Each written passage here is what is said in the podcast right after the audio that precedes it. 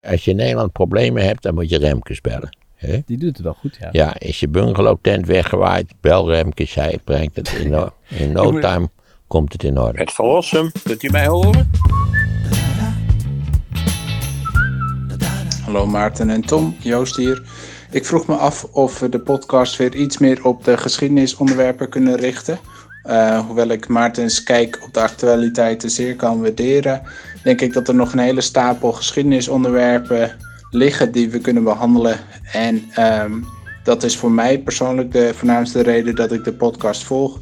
En zodoende zou ik willen vragen om de podcast daar weer iets meer op te richten.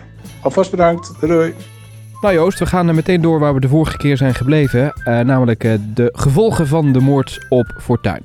Ja, ik vond het heel vreemd dat dus plotseling uh, volgens de, de, Nederlandse media het Nederland in opstand was gekomen. Dat, zo werd het vertoond, alsof, alsof de, de Franse revolutie was begonnen, maar dan, maar dan in Nederland. Ik vond dat volkomen idioot. Bij Fortuin bedoel je? Ja, bij Fortuin.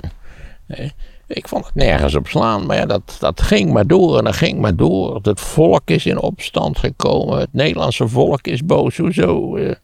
Uh, 16% heeft op een raar partijtje gestemd. Mm. Betekent dat revolutie? Nee. Uh, het moet allemaal anders, want dat is natuurlijk altijd hè, bij, bij dit type van, van politieke figuren. Alles moet compleet anders, beter, transparant vooral transparanter, niet waar? Ook zo'n woord wat maar rondzoemt in de politiek. Ja. Want iedereen eh, kan daar geheel naar eigen inzicht misbruik van maken, terwijl het natuurlijk voornamelijk onzin oplevert. Ja, dat, dat was bij Fortuyn ook zo. Daarom was het al zo gek dat hij moest natuurlijk een, een, lijst samenstellen voor de Tweede Kamerverkiezingen waar Jan en alle man op terecht zijn gekomen. Daar was geen enkele behoorlijke onderzoeksprocedure of die mensen wel enigszins geschikt waren voor het werk. Uh, nou ja, dat zullen we ook zo zien wat de gevolgen van deze, deze losheid waren. Uh, volgens mij heeft hij bijvoorbeeld uh, Theo van Gogh meerdere malen aangezocht om minister van Cultuur te worden. In een door hem te leiden kabinet. Nou ja, zo. Het, het, nou ja, dat is toch bij al die populisten hetzelfde, steeds hetzelfde liedje. Dat ze, dat ze het nog veel bruiner bakken eigenlijk dan degene die ze alle verwijten maken dat ze het bruin bakken. dat, dat het waardeloze politici zijn met, met, met niet te realiseren standpunten. Ja. Want goed, ja, hoe is het gelopen? Het was op zichzelf natuurlijk een spectaculaire verkiezingsoverwinning. Dat een partij die uit het totale nieuws tevoorschijn kwam, 26 zetels in de Kamer kreeg. Dat tweede was daarmee, hè? Wat? Werden tweede volgens mij daarmee, hè?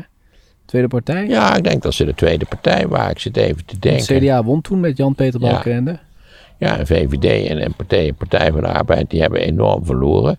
Ja, ik denk dat ze na, na de CDA de grootste partij waren. Dat maakt ook niet zo heel veel uit. Het gaat steeds natuurlijk om wie de grootste is. En het feit is dat het CDA enorm geprofiteerd had van de politieke verwarring die ontstaan was. Ja. ja want dat natuurlijk Jan-Peter Balkenende, die is pas in 98 Kamerlid geworden.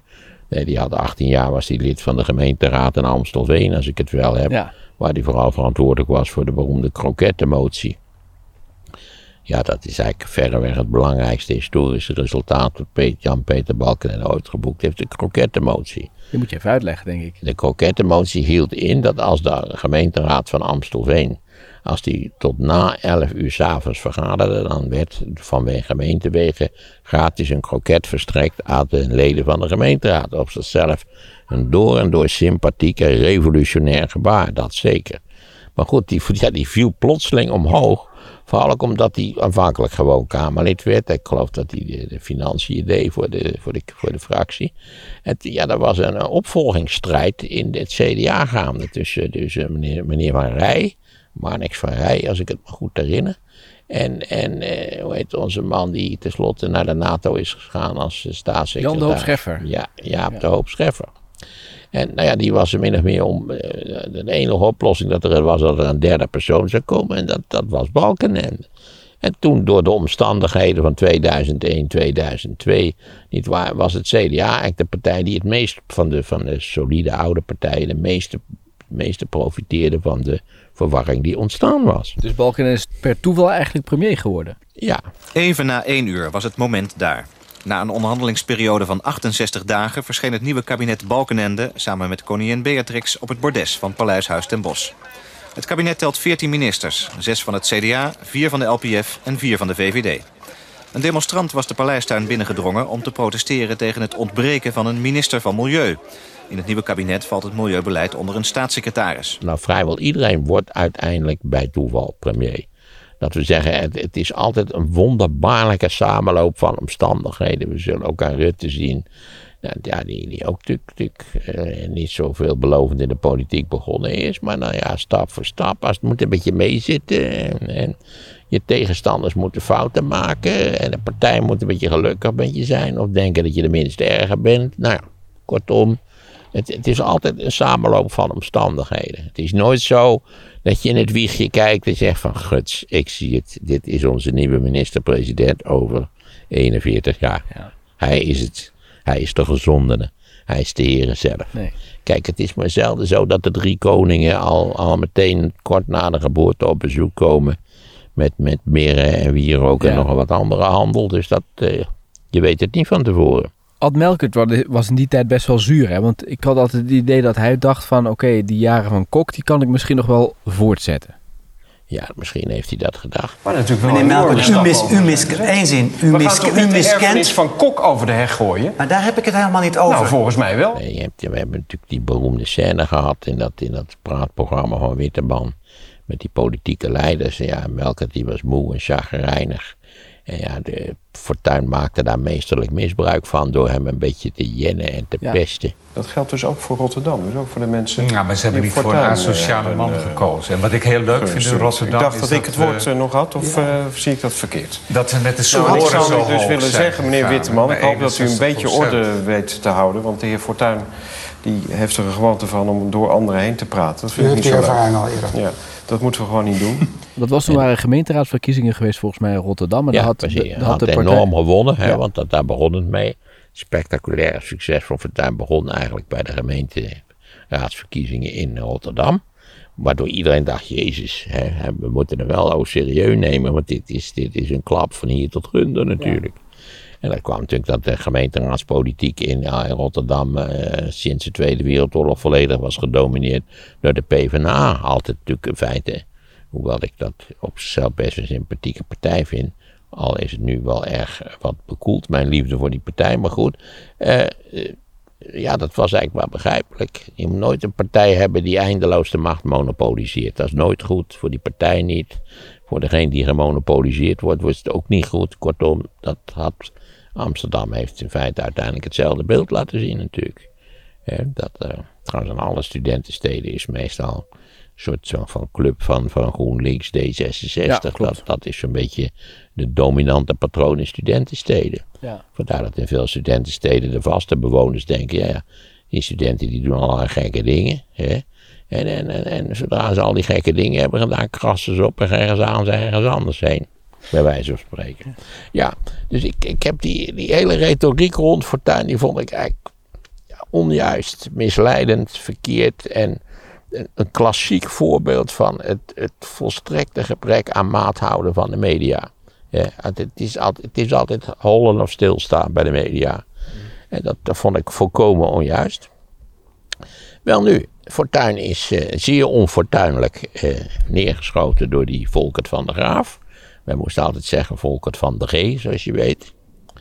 Die ondertussen al gewoon weer vrij rondloopt trouwens. Zo zit het Nederlandse strafsysteem nou helemaal in elkaar. Moet je ook niet tegen protesteren, naar mijn idee. Eh, en, maar de, die, dat was natuurlijk een hele spectaculaire politieke gebeurtenis. En natuurlijk de zittende partijen, of de zittende politieke elite, als je het zo wil noemen, die vond natuurlijk wel dat dat geluid gehoord moest worden dat je het niet kon negeren. En zeker niet nadat, de, laten we zeggen, de aanstichter, de, de revolutionaire leider, om het dan maar zo te zeggen. En nadat hij was doodgeschoten, wat natuurlijk een hoogst pijnlijke affaire was. Ik bedoel, dat was de, dat was de eerste politieke moord sinds de gebroeders de Wit waren vermoord in Den Haag. Maar er zat dus wel een, er zat, een effect van die moord zat natuurlijk in die uitslag. Dat weten we niet precies. Fortuyn zelf die was er vast van overtuigd dat hij de grootste partij zou worden. Dat zei hij met enige regelmaat. Vergis je niet. Ik word de minister-president van dit land. Dat was Kletskoek. Er was geen enkele, was geen enkele opiniepeiling toen die voorspelde dat de LPF de grootste partij zou worden. Dat het CDA dat zou worden was eigenlijk al vrij duidelijk in de loop van die campagne. En zo is het ook gelopen. Maar er is wel een kabinet geformeerd Onder leiding van Balkenende, die de leider van de grootste partij was. Overigens was er aanvankelijk nog, nou ja, iemand die, die verantwoordelijk is voor de krokettenmotie. Moet die, moet die nou ineens minister-president worden? Is dat niet een, geen zwaar gewicht nodig onder deze penibele omstandigheden? Maar kennelijk heeft Balkenende gezegd, ja, je kunt behoorlijk de pot op. Ik heb die verkiezing gewonnen, dus ik ga het doen. En er was wel tijd dat hij dan in de kamer altijd, dat Donner altijd links beneden hem zat. En uh, die moesten we dan oh, influisteren hoe het precies ja, moest dat gaan. kan me herinneren. Ja. Donner die altijd op de fiets kwam inderdaad. Maar goed, Balkenende was natuurlijk lang niet stom. Nee. Ik heb hem één keer meegemaakt dat hij een kort praatje moest houden. En zeilde binnen. Het ging om de presentatie van een boek over Abraham Kuyper. Wat geschreven was door een goede kennis van mij. En Balkenende, eh, er waren allerlei toespraken gehad van academici en zo. Allemaal even stronsvervelend. Hè. Dan weet je weer hoe het komt dat academici op dit punt weinig uh, succesvol zijn. En Balkenende kwam binnen, hield een praatje van een kwartier. Dat je denkt, zo, dat heb je prima gedaan. Goed praatje, geestig, niet te lang, allemaal tip-top. Ja, hij verdween weer met zijn bewakers. Want ja, die waren er wel. Um, en toen kwam er dus een kabinet waarin de LPF ook uh, optrad. De nieuwe minister van Economische Zaken kwam voor deze gelegenheid met zijn eigen Bentley.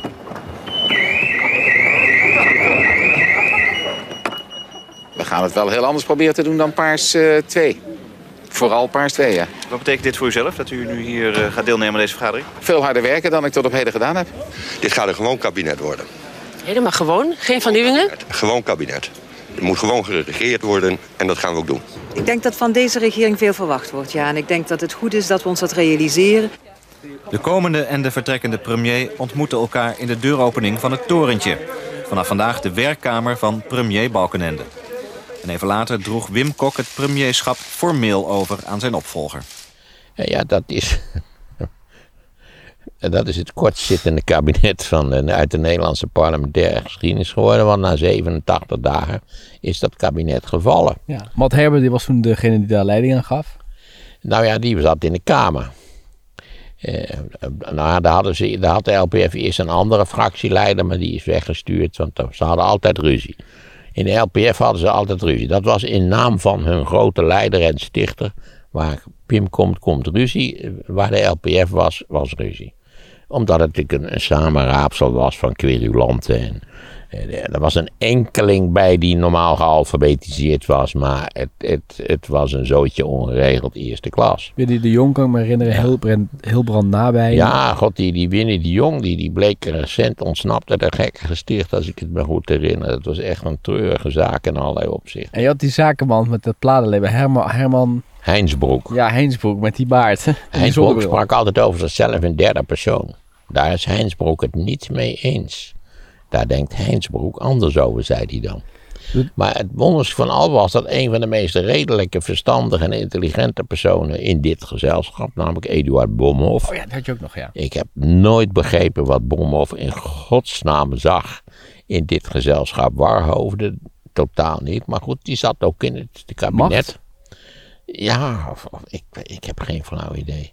En volgens mij had hij ook, ook zulke gruwelijke spijt. Hij is daarna ook uit Nederland vertrokken. En, dacht hoogleraar in Kuala Lumpur geworden. Die, die dacht, ik wil er niks meer mee te maken, zoiets. Of hij schaamde zich, ik weet het niet. Ja, toch zo'n belletje? Had hij ja, dat komen we nu aan. Dat, want wat bleek in het kabinet? Dat Heinsbroek en Bomhoff altijd ruzie met elkaar hadden. Wat zo hoog opliep, dat ze tenslotte zijn afgetreden. Eh, het kabinet is verlaten hebben.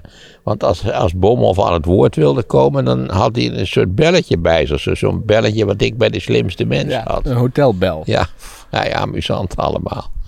Uh, dus ja, en, en toen zei uh, hoe heet het, uh, de, de, fractieleider van de VVD in, in de Tweede Kamer, de latere minister van Financiën.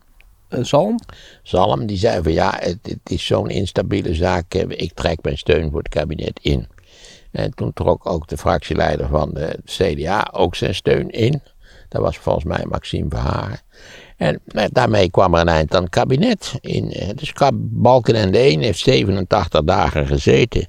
En dat betekende eigenlijk dat er op korte termijn weer nieuwe verkiezingen moesten worden gehouden. Zulks is ook geschied. Dus in begin 2003 zijn nieuwe verkiezingen gehouden. En dat, eh, daar was eigenlijk van een vrij redelijk herstel. Hè? Dus de PV, PvdA en VVD hadden verschrikkelijk verloren in de verkiezingen van 2002. En eh, nu herstelden zij zich heel behoorlijk. Overigens werd CDA toch weer de grootste partij, dat weer wel. En de LPF viel terug van 26 naar 6 of zo. En, en de verkiezingen daarop eh, nog twee. En nou, kortom, het gehele zaak ging als een nachtkaars uit.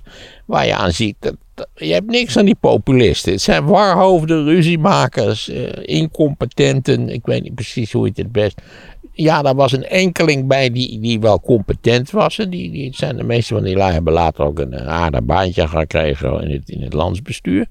Maar over de hele linie was het, was het niks. Het stelde niets voor. Het was volstrekt een gebakken lucht in alle denkbare opzichten. Is dat wat jou betreft ook de les wat betreft populisten? Op het moment dat ze dus... Uh, Ja, ik zou, als ze aan de macht komen, maken ze er onveranderlijk een potje van. Er zijn geen voorbeelden waar populisten aan de macht zijn gekomen en daarna een, een, een, onwaarschijnlijk efficiënt, eerlijk, niet corrupt, prima bewind hebben gevoerd.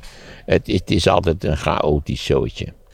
Ik denk ook dat je het populisme toch het beste kunt zien als een vorm, een protestbeweging. Het is toch een beetje de opgeheven middelvinger. Ja, ik zie dat je de cameraatjes weg hebt laten halen. Dus ik... Nee, de, de kaartjes waren vol en ik had nog geen tijd gehad om het allemaal op de, de computer te zetten. Nou ja, ik, dames en heren, ik steek mijn middelvinger op. Dat is in een grote trek het populisme. En het, op zichzelf is dat wel een signaal dat er iets niet in orde is. En dat veel mensen kennelijk niet gelukkig zijn met de gang van zaken. Maar eh, je moet uiteindelijk, wil je politiek effectief zijn, moet je goed georganiseerd zijn. Moet je redelijke standpunten hebben. Moet je in staat zijn om samen te werken met andere mensen. Moet je in staat zijn om compromissen te sluiten. Moet je in staat zijn om te begrijpen dat de meeste dingen een stuk ingewikkelder zijn dan ze lijken. Zeker in de visie van populisten. En als al die condities afwezig zijn, gebeurt er dus nooit een kloot. We zullen het zo hebben over de opvolger van Pim Fortuyn natuurlijk. Maar zodoende kwam er een kabinet Balkenende 2. Dat heeft er bij mijn weten ongeveer drie jaar gezeten, dus 2003, 2006. En Balkenende 2 is tenslotte gestruikeld omdat uh, een van de deelnemende partijen, namelijk D66, zijn steun introk. En dat had weer te maken met de zogenaamde Ayaan Hirsi Ali kwestie. Oh want Ayaan Hirsi Ali, die was ondertussen VVD-Kamerlid geworden, als ik het me goed herinner. Eh, het was het lieveling van de talkshows. En, en nou goed, de Hirsi Ali was, was... Ik wist niet dat de Heer Jezus een zuster had, maar goed, dat bleek Hirsi Ali te zijn. Het was geweldig en ze werd ook door alle intellectuelen grondeloos bewonderd. Het was ongelooflijk, werkelijk geweldig. Want ja, waar heb je natuurlijk iemand die als moslim die tegelijkertijd enorm kritisch is op het Mohammedanisme, waar volgens haar niets van deugt. De mooie keizer niet vinden, dat, dat, begrijp je ook wel. Maar wat bleek eigenlijk dat die Ayaan Hirsi bij haar binnenkomst in Nederland gelogen had tegen de immigratieautoriteit. En, en ja, daar moest Rita Verdonk, die ondertussen minister was geworden van Vreemdelingenzaken en, en uh, hoe heet het, integratie, die, uh, trad dat, die moest daar tegen optreden. En er ontstond in ieder geval een ruziesfeer. En het gevolg daarvan was uh, dat het een motie van, van wantrouwen, dacht ik, werd ingediend. En de, dat de D66 tenslotte zei, die was, is overigens niet aangenomen. En het kabinet bleef achter Rita Verdonk staan, maar D66 in de Kamer zei, uh, wij kunnen daar niet mee akkoord gaan. De, de fractieleider was toen Louise van der Laan. Oh ja. Geen idee wat daarvan terechtgekomen is. Nee, dat Die is daarna verdwenen uit de Nederlandse politiek. Ja. Hirsja, die zit in New York nu. Die zag ik laatst nog op televisie. Ja, die, wordt, die is getrouwd met een van de bekendste Engelstalige historici ter wereld. Namelijk Niall Ferguson prima historicus. Zo rechts als de pest, maar een prima historicus. Okay. Um, daar is hij mee getrouwd. Hij heeft zo kinderen mee, bij mijn weten. Um, hoe ver zijn we nu? Oh ja, het kabinet Balkenende 2 is dit. Dat valt dus. En daar kunnen we ook meteen. Hier, wie verschijnt hier op het toneel? Rita Verdonk. Wacht even, kabinet 2 valt weer. Na het eerste... Ja, dat valt weer over de, de Ayan Hersi Ali kwestie. Ja, het kabinet had zo vooral, uh, was vooral opvallend geweest door een hele reeks van, van bezuinigingen. Dat geldt ook voor andere kabinetten van Balken en er werd alles, moest alsmaar bezuinigd worden. Een soort van mantra geworden. Nederland moest bezuinigen. Hebben we achteraf voornamelijk spijt van gekregen, maar goed, Nederland moest bezuinigen. Maar het viel dus over deze kwestie. Waarbij eh, ook op het toneel verschijnt Rita Verdonk. Eh, ik denk wel dat je redelijkerwijs kunt zeggen dat Rita Verdonk de meest overschatte politica is van de afgelopen twintig jaar. Ik, ik, kan me nog herinneren, er was een onderzoekje gedaan naar talkshowgasten en Rita Verdonk bleek tien jaar lang de meest uitgenodigde persoon in talkshows te zijn. Waarmee ik maar wil zeggen, voor mensen die nu heel veel worden uitgenodigd, u wordt tenslotte op relatief korte termijn totaal vergeten. U, verdwijnt in het memory hole, wat er nu eenmaal klaar staat voor mensen die overschat worden door de media en die in feite niet bijster competent zijn. Want we zullen zo zien wat dit, dit voor wonderlijke gevolgen had. Want toen hadden, hebben we dus weer nieuwe verkiezingen gekregen. 2006, 2007. Rita Verdonk was ondertussen de populairste minister van de ploeg geworden. En misschien wel de populairste politica van dat moment. Omdat ook ondertussen die hele obsessie met migratie, integratie.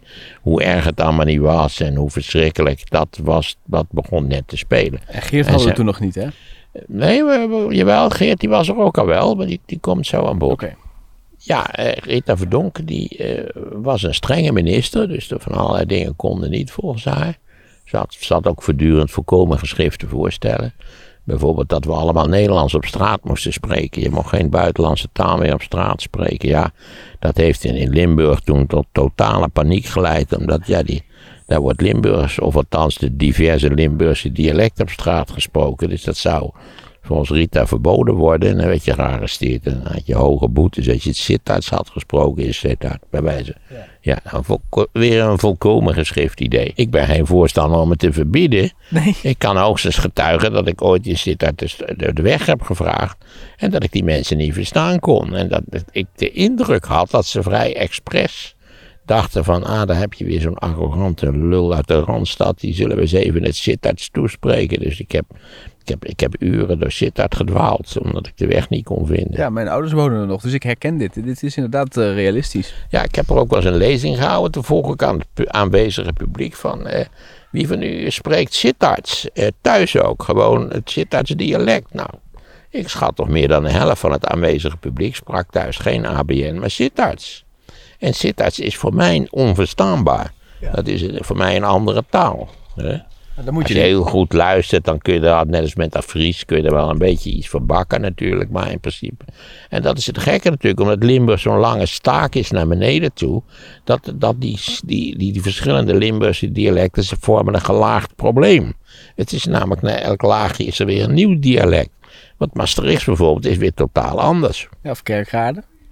En of van kerkralen, maar het is weiger natuurlijk. Ja, dus dat, dat, maar dat, ook, dat is volgens mij heel Duitsstalig als het ware. Ja, althans, dat, dat, het dialect is daar een mengvorm.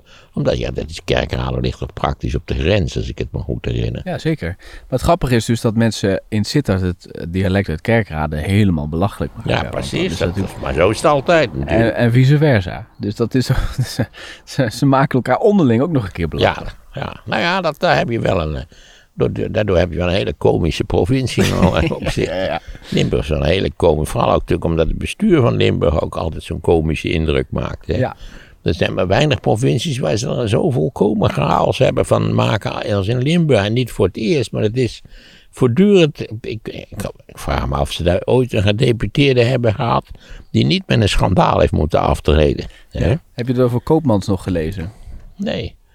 Wat, wat, wat had, Was dat die man die, die, die, die tenslotte eerst gedeputeerde was geweest en daarna had hij een hoveniersbedrijf opgezet of een natuuronderhoudbedrijf. En, dat was Freje, inderdaad. En die had alle opdrachten aan zijn eigen bedrijf toebedeeld. Ja, dat was Freje inderdaad, ja. Maar later had je ook nog een gedeputeerde koopmans. En die had op een gegeven moment een architect eh, als vriend. Ehm, en die, die kreeg ook allemaal opdrachten. Ja, dan kijk, dit op zichzelf, wij, wij, wij zijn daar natuurlijk kritisch over en nu dus wat lacherig ja, Limburg is niet een zaak van, van wereldhistorisch uh, gewicht. Dat weten we allemaal wel. Dat we er toevallig aan gekomen zijn door die veldtocht van, van Frederik Hendrik langs de Maas. Ja, achteraf zeg je dat het had anders. Nou, oké. Okay. Laat ik niet op dit thema voortborduren. Dus echt verschrikkelijk belangrijk is het niet. Maar het is, het is wel Kijk, Limburg het is een andere cultuur. En dat heet het cliëntelisme. In België werkt de hele politiek zo. Dus je hebt een neef die is architect en nou ja, jij bent uh, stadsbestuurder van Brugge. Dus uh, dan moet, uh, moet iets gebouwd worden. Ik denk, je belt je neef, zegt hey, moet je kijken. Als jij nou ook je meldt, dan zorgen we ervoor dat je, zo werkt dat. Of in Italië, dat is, in de eerste plaats bevoordeel je je familie. Hè? Dat is nepotisme. Denk aan Napoleon, die al zijn broers en zusters niet Dus het is niet iets slechts? Nou, het is naar mijn idee, wil je tenslotte komen tot competent bestuur, is het wel vrij slecht op termijn. Ook in Italië en België? Ja, dat denk ik wel. Ja, je weet dat Italië nou niet bepaald een wereldwonder is van rationeel bestuur. het is een land wat voortdurend zichzelf in de moeilijkheden brengt, doordat het niet in staat is om zich in moderne zin te hervormen.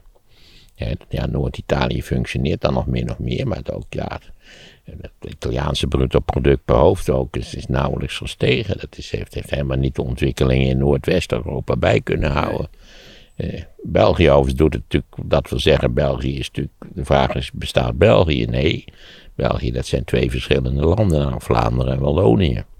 Ja, Wallonië heeft de ongekende pech gehad dat het een vroege industrialiseerder was zodat al die boel op de fles is gegaan in de jaren 50, 60 en 70. En Vlaanderen heeft een economie die precies zo eruit ziet als de Nederlandse. En die draait als een tierenlier. Vlaanderen is precies even rijk als Nederland. dat België wat minder rijk is dan Nederland in, als, als natie komt door Wallonië. je, hoeft, je hoeft daar maar twee keer door zijn te rijden. Dan weet je wel eens een beetje wat er aan de hand is daar. We zijn wel afgedwaald nu. Ja, we willen nog even zeggen, Johan Remkes die doet het wel goed, want die stelt ja, flink dus orde als je, als je in Nederland problemen hebt, dan moet je Remkes bellen. Die doet het wel goed, ja. Ja, is je bungalowtent weggewaaid, bel Remkes, hij brengt het in no, in no time komt het in orde. Nou, één voorbeeld wat hij ook stop heeft gezet, de provincie, las ik ook volgens mij in de NRC, betaalde dus enkele tonnen um, aan uh, het binnenhalen van een toeretappe. Maar ja, dat kwam maar niet. Dus op een gegeven moment heeft Remkes gezegd, ja, hoe lang wil je door blijven betalen? En zei ze, ja, dat is niet iets wat je in één jaar hebt gerealiseerd. Dat duurt wat langer. Maar ja. hij heeft Remkes ook gezegd, daar stoppen we mee met die onzin. Nou ja, we hebben hier die poppenkast in Utrecht natuurlijk ook gehad. De Tour is hier gestart. En niet alleen een etappe, hij is hier gestart. Waardoor ik hier drie dagen de deur niet uit kon. Omdat het hier, geloof ik, voor die eerste... De tijdrit kwam hier voorbij en de eerste etappe kwam hier voorbij. Straatje? Ja, nee, niet door deze straat. Door de, oh. weet het, ze gingen dan via de, de Uithof, maakten het cirkeltje, dan reden ze terug naar het Domplein. Zoiets dergelijks was het. En wij kregen een brief dat je, je moest vergunningen aanvragen om eh, die dag de deur uit te gaan met je auto. Hadden we jammer genoeg vergeten of niet gedaan, of mijn vrouw werd ziek, ik weet niet wat het was. Nou ja, tenslotte bleken we hier min of meer opgesloten te zijn. Dus toen was mijn oudste kleinzoon jarig en toen moesten we opbellen. Sorry, ja, we zijn opgesloten door de gemeente Utrecht, die het noodzakelijk achtte om de Tour de France in Utrecht te laten beginnen, die in Utrecht, wat mij betreft, niets te zoeken had. 0,0. Nou ja, de Tour van Nederland begint toch ook niet in Gibraltar, of wel? Of is dat ook al zo, dat, dat wij ook in, in Gibraltar beginnen? Dat je kunt net zo goed in Tashkent beginnen met die, met die onzin. Je weet hoe dit werkt, namelijk dat, dat je het gewoon kunt kopen. Eh, kennelijk hebben ze in Limburg te weinig geboden om, om, zo, om de tourcaravaan te betalen. Dat zal het wel zijn. Nee, ik vind dat een idiote gewoonte dat de Vuelta in Assen begint of zoiets dergelijks. Dat is een commercieel eh, iets, denk ik. Ja, en ik vind het, ik vind het belachelijk dat daar dus uh, gemeenschapsgeld aan uit wordt gevuld. Dit zijn puur commerciële sporten waar dik betaald wordt. Ik, daar heeft de gemeenschap niets te zoeken wat mij betreft. wil ze zeggen dan jij veel wielenliefhebbers? Ja, hoezo? Hoeveel wielerliefhebbers zijn er? Ben ik geraadpleegd of zo? Ik ben best een wielerliefhebber. ik vind, die, vind die, sommige van die finales van de Tour de France in Frankrijk vind ik hartstikke leuk. Maar, maar dat wil niet zeggen dat ze hier moeten starten. Het heet Tour de France. Moet je toch niet in Nederland beginnen? Of in, in, weet ik veel waar, of in Londen, of waar dan ook maar. Nee, ik vind dat, ik vind dat verwerpelijk. Ik heb het ook nooit begrepen waarom het gemeentebestuur hier daar ook jarenlang aan gewerkt. Hè? De stad zou goud geld verdienen. Nou, ik begreep eigenlijk dat er geen cent aan verdiend was. Daar kwam het een grote trek op neer. Want dat zeggen ze altijd. Ja, wat zei ze ook. Utrecht moet op de kaart gezet worden. Utrecht staat al lang op de kaart. Utrecht is een booming city. Het laatste wat we nodig hebben is dat er allerlei hardfietsers hier het verkeer op komen houden. Bij wijze van spreken. Kortom, waar zijn we gebleven? Misschien moet jij ook een keer als het weer is met zo'n bord langs het parcours gaan staan. Dat er een paar uh, vijftig of zo onder, onder, onderuit gaan. Hallo opa en oma of wat was het ook alweer? Ja. ja. die mevrouw die zal wel spijt hebben gehad. Dus haren op haar hoofd. Dat ze daar voor die kar. Maar ja, als je het ook ziet, dat, dat peloton dat rijdt zo close op elkaar. Ja. En ook die aankomsten zijn zo reet in de smal dat je begrijpt dat er niet, niet elk jaar doden vallen. Daar Daarom is het ook niet leuk om te kijken. Ze zijn zo weer voorbij als je live gaat kijken op straat. Ja, ik ben ook niet gaan kijken natuurlijk. Ze rijden tegen de 40. Sterker nog, en zeker in korte etappes of tijdritten reizen tegen de 40 of over de 40 km per uur. Ja. Dus je ziet geen flikker. Ja, daar komt weer iemand die post komt brengen is weer iemand anders. Ja, je hebt de postbestelling, die is op willekeurige momenten tegenwoordig. Ah. Namelijk als ze een een of andere onderbetaalde vrijwilliger hebben, of vrijwilliger, dat is een bijbaantje tegenwoordig, postbode. Hè? Vroeger was dat een hele functie. Deze is van uh, PostNL volgens mij. Oh, kijk eens aan. Goed. We waren gebleven bij Rita Verdonk, volgens mij.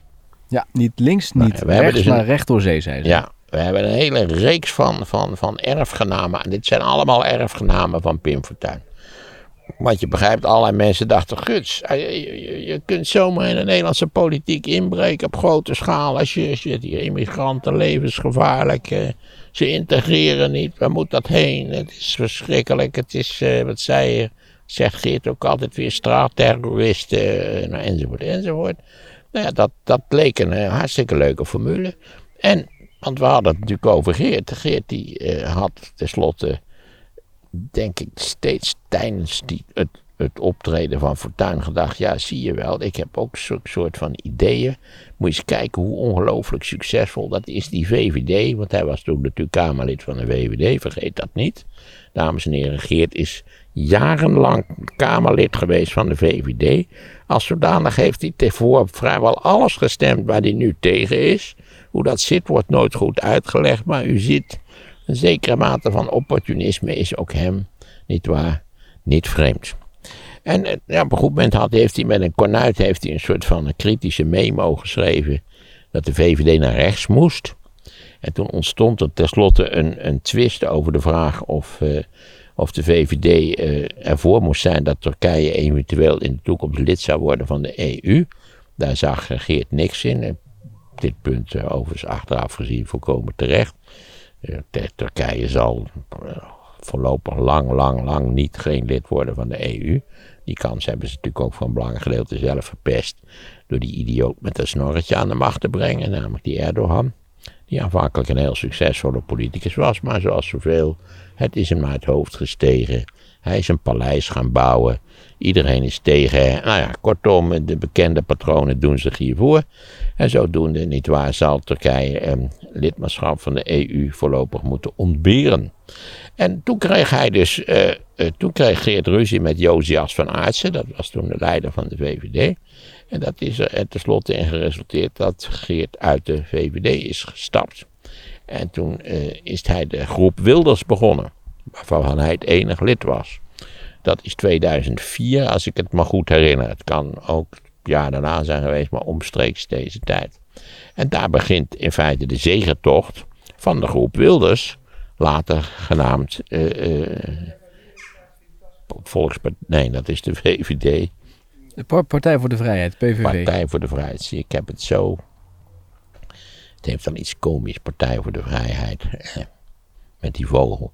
Ja, zo is het. En nou ja, bij de eerste keer dat hij aan de verkiezingen deelnam, won hij negen zetels. Dat was dan een vrij behoorlijk succes. En natuurlijk de tweede keer dat hij aan de verkiezingen deelnam met die negen zetels, won hij 24 zetels als ik het wel heb. En dan zitten we ondertussen in 2010. Maar eerst moeten we nog even de saga afmaken van Rita Verdonk. Want bij de verkiezingen van 2006 eh, kreeg zij als nummer 2 op de lijst, nummer 1 op de lijst was Rutte. En als nummer 2 op de lijst kreeg zij 60.000 stemmen meer dan Rutte, namelijk ruim 600.000. Dus ja, dat, dat, was nooit eerder voorgekomen dat een nummer 2 op de lijst zoveel meer stemmen had gekregen dan een nummer 1 op de lijst. Die natuurlijk normaal gesproken verreweg het grootste aantal stemmen krijgt. Dus ja, zij, dat, had, eh, ze had die ambitie al, ze had wel eens gezegd van, uh, zij vond namelijk Rutte te links.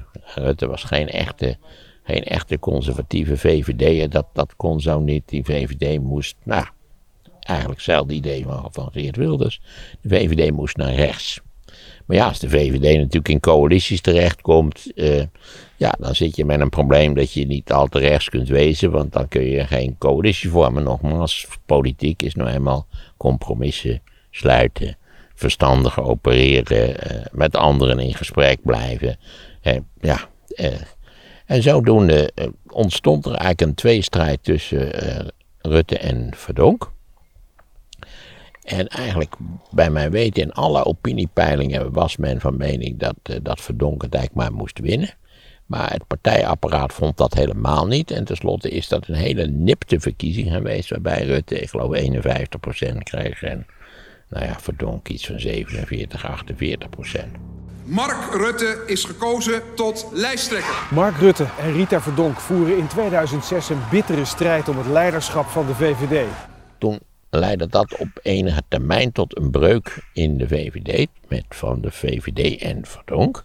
Want eh, Rutte had gezegd: oké, maar je moet nu ophouden met mij te bekritiseren. En steeds te zeggen dat ik een, een linkse binnensluiper ben en maar dat soort van dingen. Bij allerlei gelegenheden zei, zei Verdonk, kon niet laten om te zeggen dat die Rutte, ja, een linkse VVD'er enzovoort. Nou ja, weet je wat we nu hebben in het formatieproces, dat de Telegraaf dan niet waar, die zet de toeter erop en die zegt van ja, die, die VVD is die vertrouwen Rutte voor geen cent. Hè. Vuile bolsjewist. Ja, hoor dat je het weet. Levert hij al onze idealen uit aan een coalitie waar we niks mee. Nou, dat werkt, ja. Ik zou zeggen, voor u zijn tal van unieke mogelijkheden om uw stem bij een volgende gelegenheid uit te brengen op ja 21, op Geert, op, op de gek met de snor. U, u kunt rustig uw gang gaan, helemaal geen problemen. Uh, alleen moet u zich realiseren dat uw stem verder volkomen waardeloos is en geen enkel nuttig uh, bestuursmatig effect heeft. Want bij al deze grenzeloze opwinding natuurlijk over de, over de immigratie en de vreemdelingen en de integratie en ook dat wezenloze gelul over de identiteit van Nederland. Hè, want daar hebben we ook, het is nu ietsje minder geworden, is mijn indruk. Daar is jarenlang over gediscussieerd. Zonder dat iemand er ooit achter gekomen wat is wat dan die identiteit precies is. Is dat de eerste, de beste randebiel met zijn oranje hoedje op, nietwaar? Die hysterisch staat te schreeuwen uh, als wij uh, ontzettend slecht voetballen. Uh, nee, niemand weet wat die identiteit is. Dat zal iedereen zelf in moeten vullen. Hè? Een natie is, zoals iemand ooit nog eens geschreven heeft, een imagined community. En iedereen heeft daarbij zijn eigen imagination. Heb ik ook. Hè? Ik heb ook een soort van. wat is de Nederlandse identiteit? Dat we een fantastisch klimaat hebben. Een fijn plat land, komt goed uit tegen hoogbouw ben ik ook. Eh, en verder ben ik eigenlijk wel een tevreden Nederlander. Er zou ook weinig reden zijn in mijn geval om een ontevreden Nederlander te zijn. Laten we dat er even bij zeggen. Maar goed, al deze dingen speelden in die jaren. En uiteindelijk eh, bleef ze Rutte maar bekritiseren. En dat heeft geleid tot een breuk. En toen zei Rutte, nou moet je de partij uit. En, en ja, de partij had daar natuurlijk problemen mee. Die dacht, ja, zo'n stemmentrekker, dat moeten we niet hebben en zo. En Bolkestein en Wiegel, nietwaar, de, de, de, de, de bejaarde zwaargewichten van dit gezelschap, die vonden ook, die waren eigenlijk een beetje op de hand van, van Verdonk, ook denk uit electorale overwegingen. Maar het, het partijapparaat heeft efficiënt gewerkt en tenslotte heeft Rutte dus die verkiezing gewonnen. En eh, daar hadden we het al over gehad. En, en tenslotte ja, liep het zo hoog dat zij de partij verlaten heeft. En toen is zij een eigen partij begonnen. Eerst was ze geloof ik het lid verdonk, zoals dat heette. Ja, dat groep verdonk, dat, dat vond iedereen zo gek. Dat je in je eentje een groep was, dat hebben ze afgeschaft. Het komt erop neer, verdonk begint een eigen partij. Dit is Nederland. Het is niet veilig meer op onze straat. Bejaarden worden zelfs aangevallen. Afschuwelijk. Ik ga zorgen dat het weer veilig wordt op straat. Kortom, ik ga zorgen dat u weer trots wordt op Nederland. Trots op Nederland. Dan gaan we volgende week gaan we daar een korte hilarische beschouwing aanwijzen. Namelijk een uniek gezelschap wat door ook de participanten is belicht als zijnde een gebakken lucht eerste klas. Oké. Ook een fantastische Nederlandse uitdrukking. Gebakken lucht. Daar, daar kijk ik naar uit. Uh, ondertussen kun je deze podcast reviewen in je podcast app. Laat een paar sterren achter en een leuk berichtje. Doe dat vooral eventjes, want dan kunnen wij nog meer mensen bereiken met deze podcast. En volg ons ondertussen op de socials. Maarten Podcast is de naam die intikt op Twitter en Instagram. En Telegram, daar hebben we een groep aangemaakt met inmiddels meer dan 300 fans van deze podcast. Daar praten we door over de inhoud. Onder andere over reizen van Maarten naar het buitenland in historisch perspectief. Dus het is moeite waard om daar eens te gaan kijken. Het kost helemaal niks. Linkje naar die groep vind je in de beschrijving.